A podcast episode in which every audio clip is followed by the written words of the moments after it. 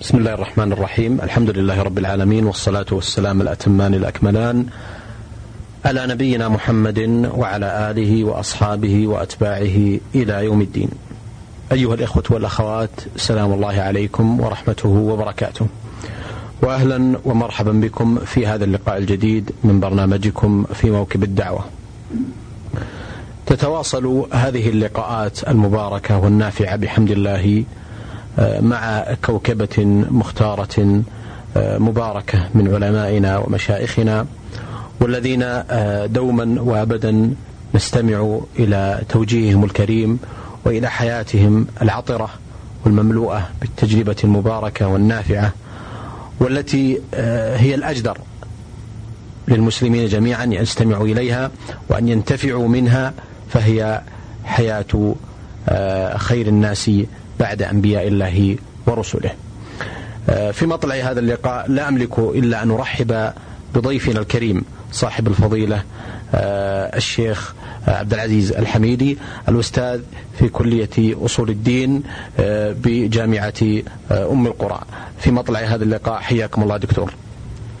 أهلا وسهلا حياكم الله وهذه فرصة سعيدة أن ألتقي بإخواني المستمعين لعرض بعض الموضوعات المتعلقة بالحياة الشخصية والعلمية وغير ذلك من الموضوعات التي يمكن طرحها في هذا المجال.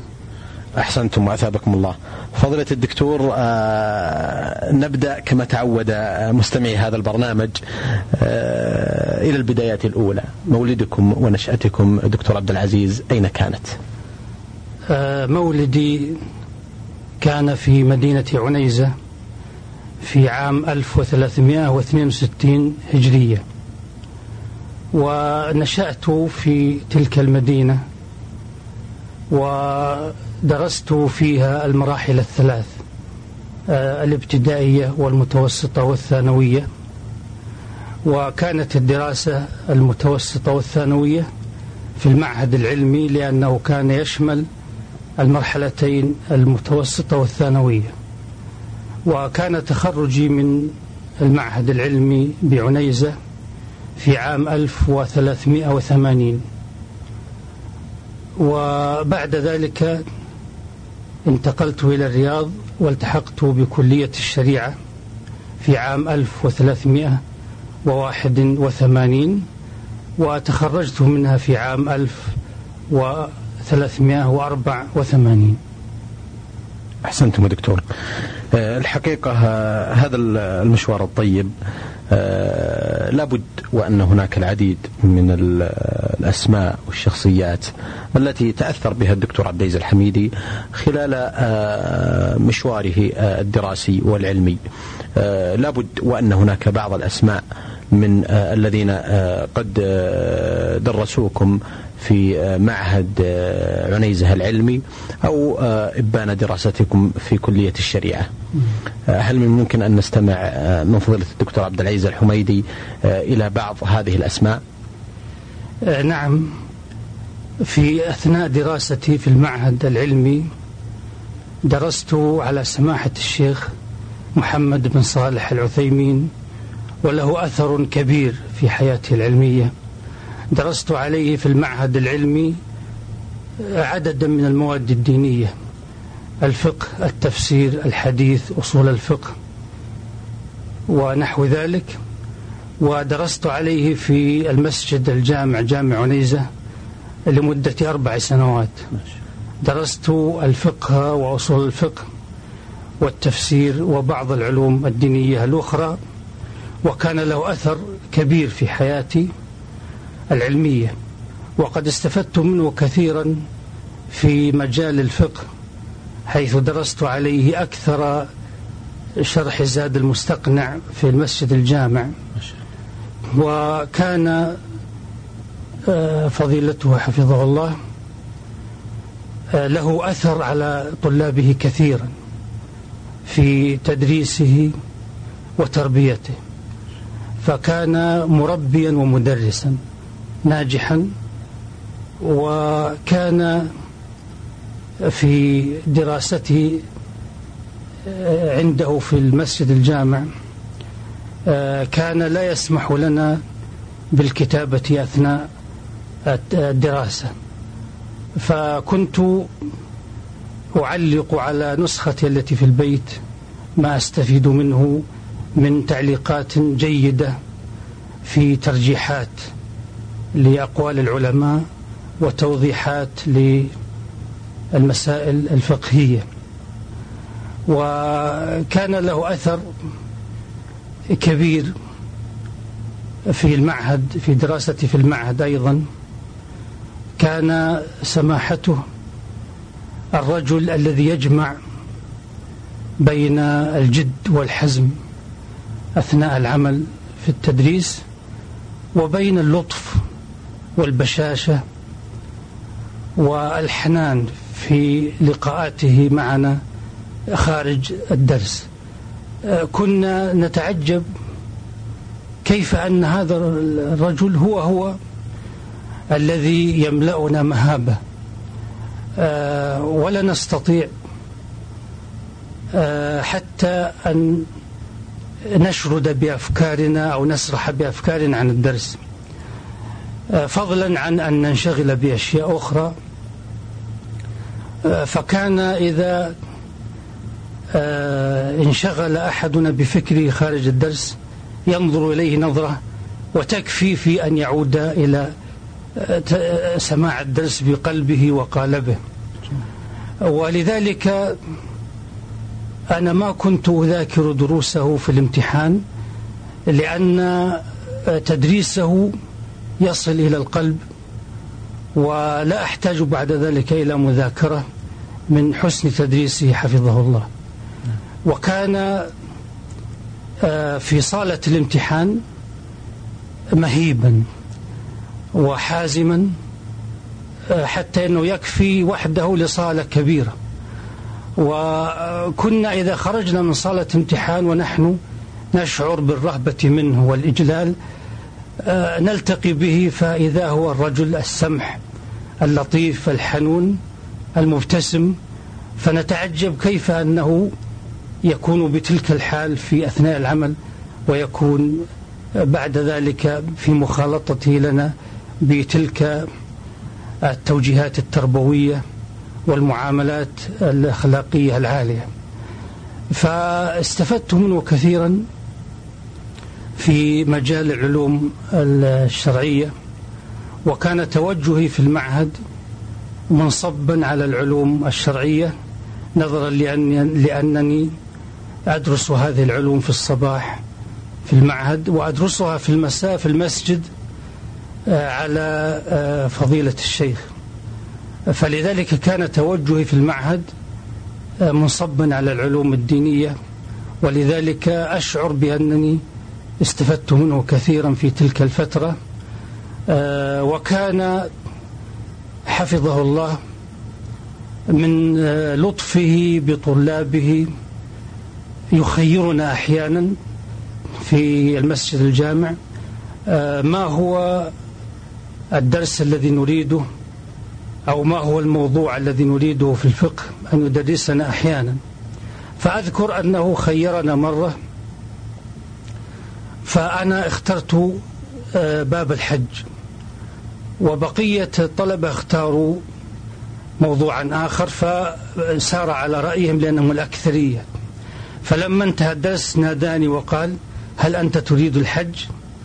قلت نعم وكان عمري آنذاك ست عشرة سنة. فقلت نعم أنا أريد الحج. قال إذا تأتي لي. إذا انتهى الدرس في سطح المسجد وأنا أدرسك الحج. فصار يوميا آه، أحضر عنده وكان قد كتب منسكا آه، طبعه بالآلة الكاتبة في دفتر ثم أصبح بعد ذلك منسكا طبع واستفاد منه الناس. فقال أنا أعطيك المنسك هذا تأخذه معك وقرأته عليه. وأذكر أنني أخذت هذا المنسك المطبوع بالآلة وذهبت معي في الحج به وكنت آه، مع صغر السن أفتي على حسب هذا مما استفدت من الشيخ.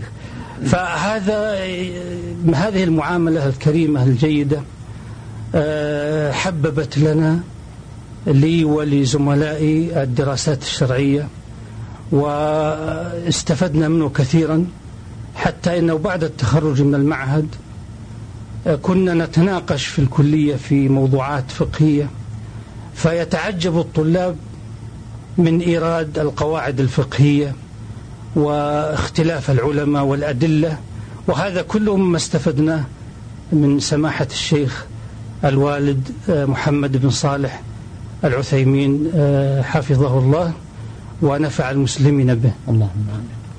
أحسنتم. أيضا هل تذكرون هناك أسماء أخرى؟ فضل الدكتور عبد العزيز كان لها تأثير. بعد تخرجي من المعهد والتحاقي بكلية الشريعة في الرياض كان هناك تأثير لبعض الأساتذة وأذكر منهم فضيلة الشيخ مناع بن خليل القطان رحمه الله. فقد كان له تأثير علي في المواد الشرعية وفي الثقافة الإسلامية حيث اطلعت بواسطته على كتب الثقافة الإسلامية وكان هناك انفتاح على الكتب الدعوية والثقافية بتوجيه منه. وكنا نستفيد منه في خطبه التي كانت نادرة وكانت فيها إبداع وتجديد في خطب الجمعة. وكنت واصل الصلاة معه في خطب كثيرة فاستفدنا منه. فكان له تأثير في الحقيقة في توجيهي أنا وبعض الطلبة إلى الثقافة الإسلامية وسعة المدارك في فهم الواقع الذي يعيش فيه المسلمون والذي يعيش فيه العالم وكان بابا للانفتاح على كتب الثقافة والحضارة الإسلامية. كذلك فضيلة الشيخ عبد الرزاق عفيفي عليه رحمة الله كان له أثر في تحبيب المواد الشرعية وتذليل صعوباتها خاصة أصول الفقه. الذي كان من أشد وأصعب المواد كان له أثر في تذليل هذه الصعوبات واستفدت منه كثيرا في مجال العلم والتربية رحمه الله. أحسنتم فضيلة الدكتور. أه شيخ عبد العزيز أه أيضا أه أثناء تناولكم لمشواركم العلمي توقف الحديث عند تخرجكم من كلية الشريعة بالرياض. كيف وصلتم الدراسة بعد ذلك؟ بعد التخرج من كلية الشريعة بالرياض عام 1384 عملت في التدريس بالمعاهد العلمية ومعهد الحرم المكي لمدة خمس سنوات. ثم بعد ذلك التحقت بالدراسات العليا في كلية الشريعة التي أصبحت بعد ذلك جامعة أم القرى. وذلك في عام 1391 وبعد التحاقي بالدراسات العليا درست السنتين المنهجيتين ثم حضرت رسالة الماجستير وهي بعنوان المنافقون في القرآن الكريم. ثم بعد ذلك التحقت بمرحلة الدكتوراه وحضرت رسالة عن تفسير ابن عباس رضي الله عنهما من كتب السنة وتخرجت من هاتين المرحلتين في عام 1401 وبعد تخرجي من الدراسات العليا عملت مدرسا في كلية الدعوة وأصول الدين قسم الدعوة لمدة شهرين ثم عينت وكيلا لكلية أصول الدين. وبعد ستة أشهر تم تعييني عميدا للكلية. وبقيت في عمادة الكلية ست سنوات إلى عام 1408 وبعد ذلك حصلت على سنة تفرغ. ثم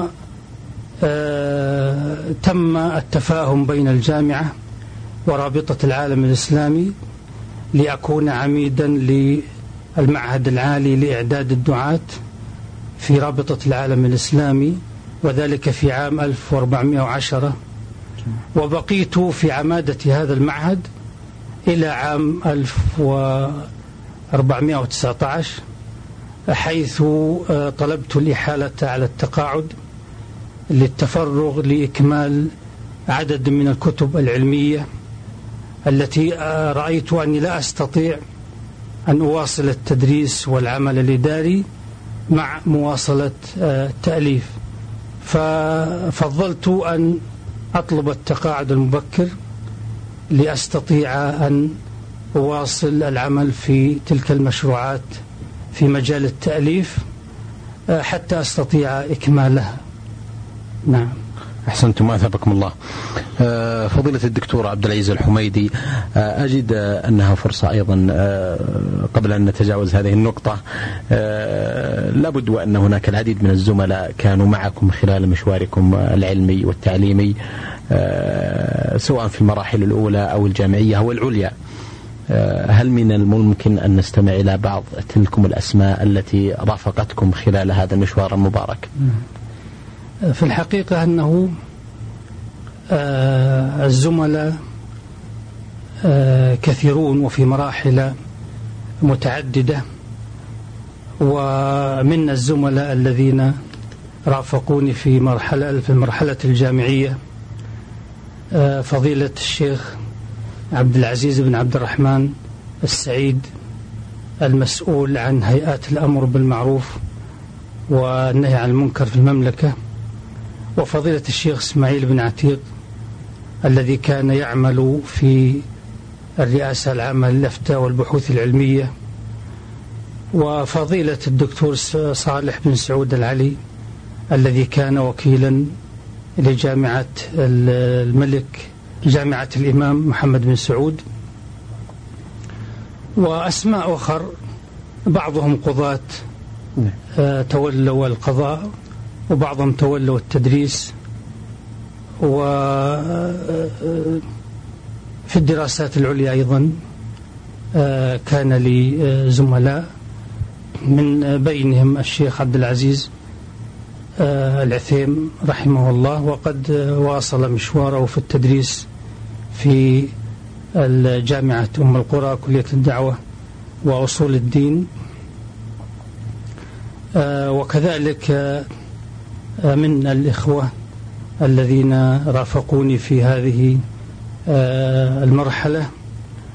آه، الأخ آه، ضياء الرحمن الأعظمي وهو يعمل أستاذا في الجامعة الإسلامية حتى الآن. وإخوة آخرون أيضا لهم مرافقة وزمالة في هذه المراحل الدراسية. أحسنتم أثابكم الله. من المراحل المهمة في آه، مشواركم آه، العلمي والعملي آه، فضيلة الدكتور عبد العزيز الحميدي عملكم كما تفضلتم قبل قليل عميدا لمعهد إعداد الدعاة التابع لرابطة العالم الإسلامي. أجد أنه من المناسب جدا أن تحدثونا عن فكرة هذا المعهد كيف تم إنشاؤه الأغراض التي من أجله أقيم هذا المعهد وهل تحقق شيء من الأهداف التي آه، تؤمل عليه؟ آه، وبعض المعلومات التي آه، من الممكن أن نستمع فيها عن هذا المعهد. هذا المعهد أنشئ بتوجيه من المجلس العالمي للمساجد وكان في أول إنشائه مدته سنة.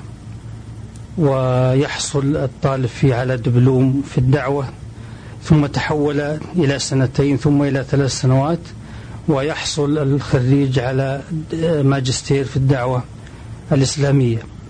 وهذا المعهد ظل يخرج طلابا بدرجة الماجستير لمدة عشر سنوات. وكان الهدف من إنشائه إعداد الخريجين الأكفاء في مجال الدعوة وهو يعتبر دراسات عليا فيقبل الطلاب المتقدمين إليه من خريجي جامعات المملكة الشرعية والجامعات الأخرى ويقبل المتخصصين بالتخصصات الأخرى الذين لهم باع طويل وعميق في الدراسات الشرعية عن طريق العلماء. ويعرف هذا عن طريق المقابلات الشفهية والتحريرية التي يجريها المعهد. وقد كان يتقدم للمعهد آه، أكثر من مئة فيتم قبول ثلاثين طالبا آه، حسب المقرر للمعهد. وهؤلاء الخريجون بلغوا أكثر من خمسمائة وأكثرهم أصبحوا يعملون في مجال الدعوة إلى الله والتعليم في العالم الإسلامي. آه، بعضهم يتبعون لهيئات دينية آه، في المملكة كالرئاسة العامة للإفتاء ووزارة الشؤون الإسلامية والرابطة. وبعضهم يعمل تابعا لهيئات خيرية كهيئة الإغاثة. العالمية والندوة العالمية للشباب الإسلامي وبعضهم عمل آه، تابعا لبعض المحسنين في المملكة الذين يوظفون بعض الدعاة في الخارج. وهؤلاء الخريجون في الحقيقة آه، حصلت منهم فوائد كبيرة. بعضهم أنشأوا معاهد. أذكر آه، خريجا من أندونيسيا الأخ عارف. أنشأ معهدا آه، فيه ثلاثة آلاف طالب. وبعضهم آه، أنشأ مدارس في بلادهم وقد جاءتنا رسائل منهم يشكرون المعهد على ما قدمه لهم ويخبرون بنشاطهم وجهودهم. وبعضهم صاروا مدرسين في جامعات بلادهم وعمداء كليات. وبعضهم أصبحوا مسؤولين عن هيئات إسلامية كبيرة ومستشارين لبعض السياسيين في بلادهم نظرا لكفاءتهم. فالمعهد أفاد في الحقيقة في مجال الدعوة والتعليم نظرا لأنه استمر حوالي 15 سنة. منها عشر سنوات على الأقل يخرج بدرجة الماجستير. فكانت له فوائد جليلة وحقق في الحقيقة كثيرا من فوائده وليس معنى هذا أن كل الخريجين سلكوا هذا المجال بعضهم لم تتح لهم الفرص نعم. لأن يسلكوا هذا المجال لكن نفعوا في مجالهم إما بتدريس في مدارس في بلادهم يعني ليسوا تابعين لجهات تشرف عليهم وتتكفل بالشؤون المالية فكانت له فوائد جيدة. ما زال وما زال وما زال يعطي بحمد الله. لكنه درجة الماجستير فقط دكتور. في الحقيقة هو آه، إلى ثلاث سنوات يعطي درجة الماجستير ثم رأى المسؤولون أن يحول إلى درجة الدبلوم لاستيعاب عدد أكبر ونظرا لأنه البلاد التي سيذهبون إليها لا تحتاج إلى آه، درجة الماجستير ولنظرات أخرى رأوها. فهو الآن آه، أعيد إلى الدبلوم, أعيد إلى الدبلوم من ثلاث سنوات. أحسنتم. لكن هل هناك شروط معينة وضوابط للقبول أو, أو هو بناء على المقابلات الشخصية التي تجرونها؟ لا هناك ضوابط للقبول أنه لابد أن يكون حاصلا على درجة جيد جدا في الشهادة الجامعية. ويفضل خريج الجامعات الإسلامية وخاصة الجامعات الثلاث في المملكة الجامعة الإسلامية وجامعة أم القرى وجامعة الإمام سابقا الآن لا يقبل من الداخل وإنما يستقدم له بمنح من الخارج ويقبل من دار الحديث الخيرية فقط نعم. لكن في السنوات العشر الأولى التي كان يخرج بالماجستير كان يقبل من الجامعات الثلاث نعم. ويقبل من جامعات أخرى وقبل نوادر من الطلبة أطباء ومهندسين آه تبين لنا أثناء المقابلة أن لديهم روافد دينية قوية من اطلاعهم ودراستهم على الشيوخ. نعم. أحسنتم. ثابكم الله شيخ عبد العزيز. الحقيقة بودنا أن نتناول جانب آخر من الأعمال التي قمتم وشاركتم فيها. أجد أن من المتعين أن نتوقف عند مؤلفاتكم. لكم جهد مبارك ومشكور في نشر العديد من الكتب والرسائل.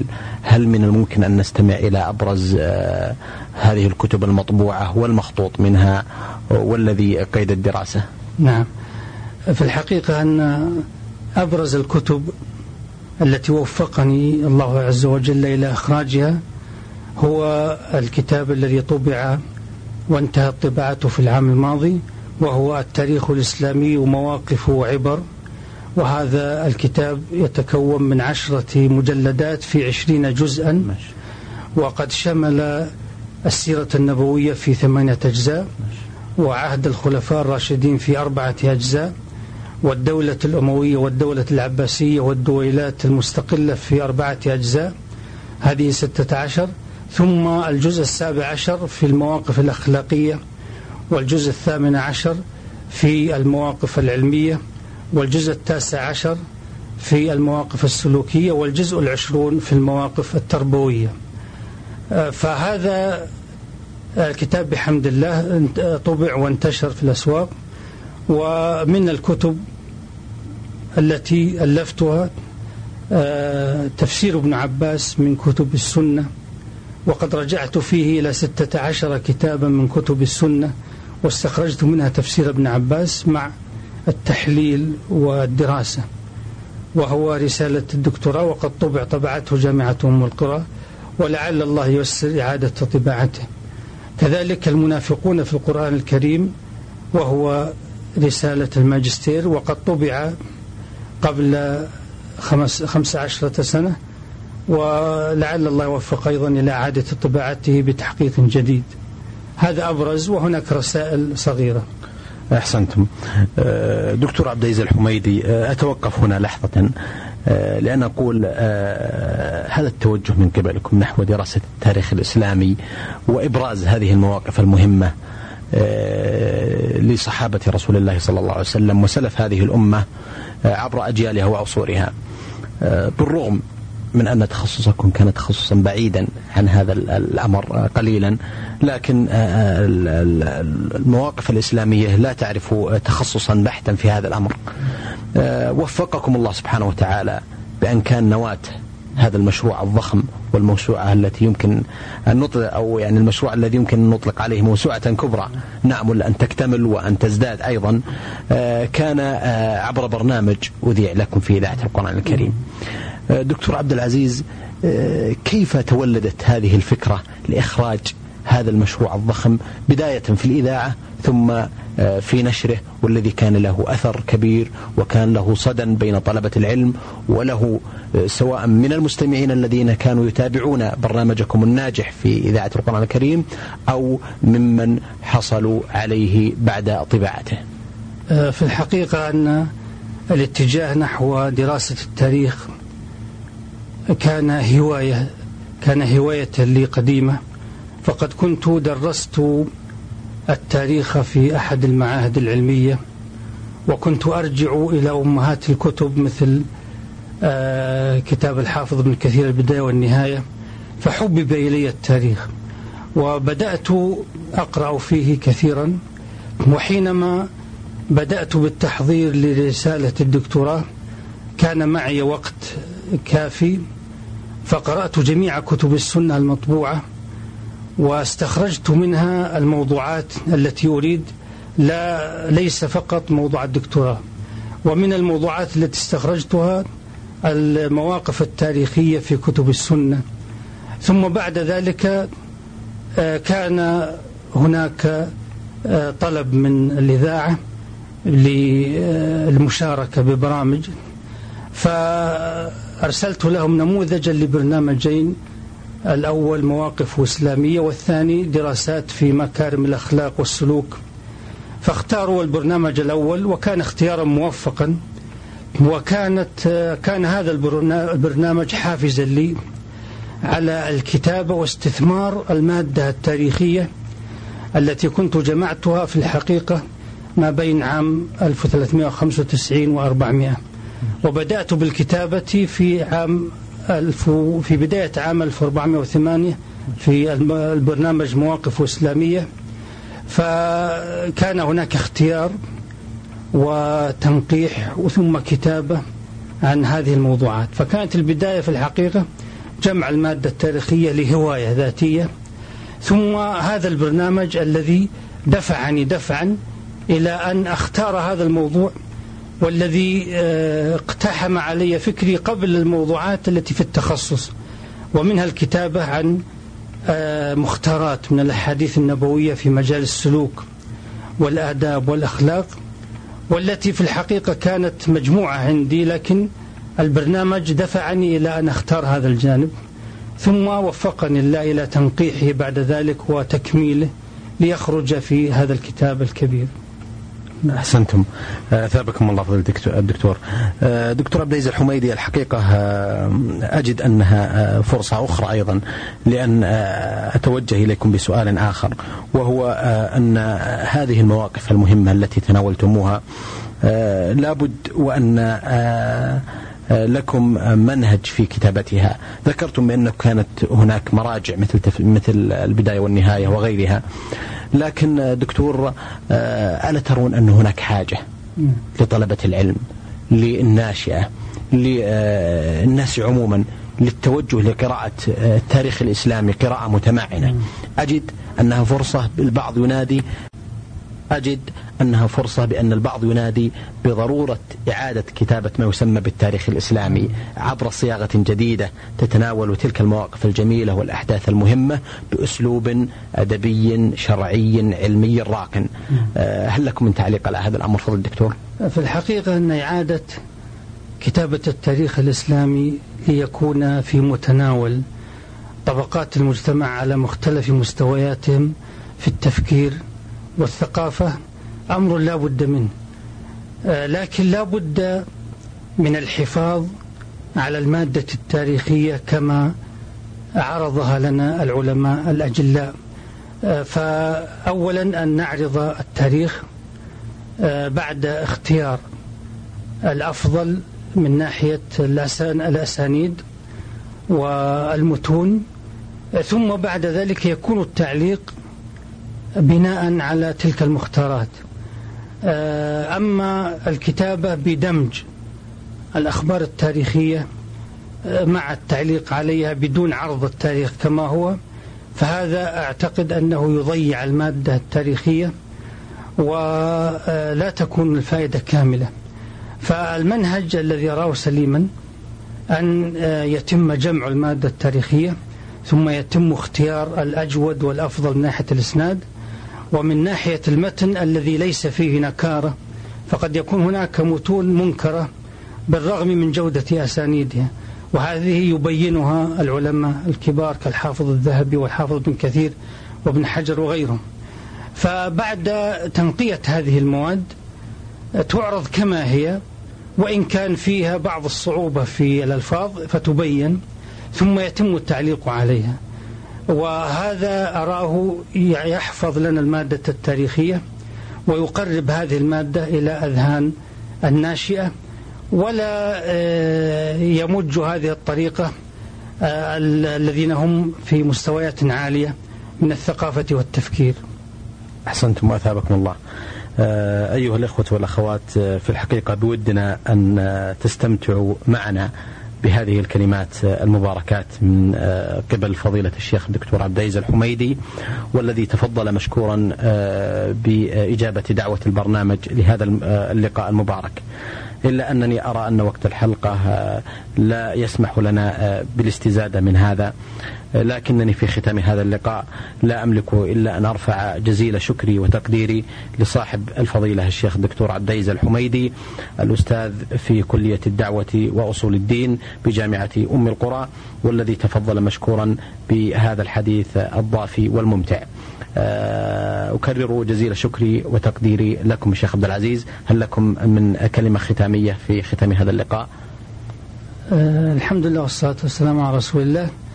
وبعد ففي ختام هذا اللقاء آه، أرجو من إخوتي المستمعين أن يكونوا ممن آه، يبذلون جهدهم في الاستفادة من أوقاتهم في مجال الاستزادة من العلوم وتطبيق هذه العلوم. وإفادة الآخرين. فالحقيقة أنه آه، لا بد من بذل الطاقة والجهد في المجال العلمي لنصل إلى النتائج المطلوبة في الاستزادة من العلم وفي إفادة الآخرين. وأسأل الله عز وجل أن يوفقنا جميعا لما يحبه ويرضاه إنه سميع مجيب. وصلى الله على نبينا محمد وآله وصحبه أجمعين. اللهم صل على محمد. كنا وإياكم في هذا اللقاء المبارك أيها الإخوة والأخوات مع صاحب الفضيلة الشيخ الدكتور عبد العزيز الحميدي.